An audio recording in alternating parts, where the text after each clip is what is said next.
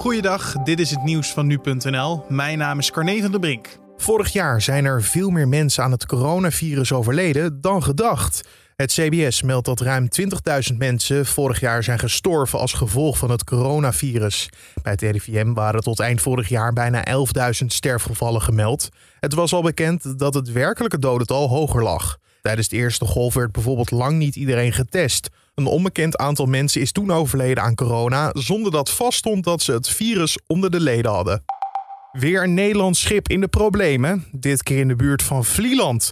Het containerschip Escape voer gisteravond urenlang in cirkels. Er waren problemen met het roer. Uiteindelijk is het de kustwacht gelukt om het schip met een sleepboot naar een veilige plek te brengen. Waardoor het roer kapot is gegaan, is nog niet duidelijk. Voetbalsupporters reageren niet louter positief op het nieuws dat fans eind april deels mogen terugkeren in de stadions. Vanwege het beperkte aantal plekken staan clubs voor lastige keuzes.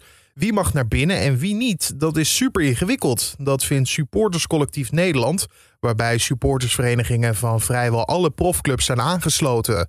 De komende dagen gaan ze erover in gesprek met de KNVB en de clubs.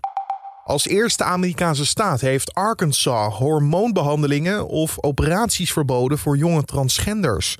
Als artsen alsnog meewerken aan zo'n behandeling, kunnen zij hun licentie verliezen. Ook kunnen ze achteraf financieel aansprakelijk worden gehouden als patiënten spijt krijgen van hun keuze. Burgerrechtenbewegingen begrijpen niets van deze stap en spreken over een discriminerende kruistocht tegen transgenderjongeren. Zeker 16 andere Amerikaanse staten overwegen ook zo'n vergelijkbare wetgeving. En tot zover de nieuwsupdate van nu.nl.